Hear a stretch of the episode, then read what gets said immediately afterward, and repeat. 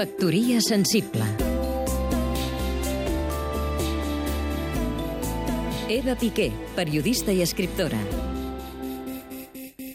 El dia que el turc, un cadell de gos, es va menjar el barret del senyor Sala, la senyora Sala va decidir que allò ja ultrapassava tota mesura canina, que només una paciència de sant podia haver tolerat que les coses arribessin fins allí. Així comença un dels contes clàssics de la literatura catalana, Raspall, d'en Pere Caldés. Es va publicar per primer cop el 1955 dins el recull Cròniques de la veritat oculta, i el 1981 va sortir en forma d'àlbum il·lustrat amb uns dibuixos esplèndids de la Carme Soler Vendrell.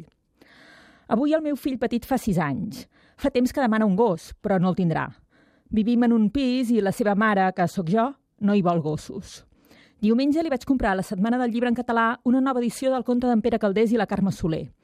Des d'aleshores no ha parat de dir que, com a regal d'aniversari, vol un raspall. El raspall d'aquest conte infantil és el millor substitut possible d'un gos, fins al punt que el pare del nen decideix que li faran una caseta al jardí i pintaran unes lletres que diguin «No és segur que ho sigui, però mereixeria ser-ho». És a dir, el conte de Pere Caldés fa un elogi de la meritocràcia. El raspall de les golfes ha demostrat que mereix ser tractat com un gos. I jo vull creure que la meritocràcia no existeix només als contes. Factoria sensible Segueix-nos també a catradio.cat barra Factoria Sensible.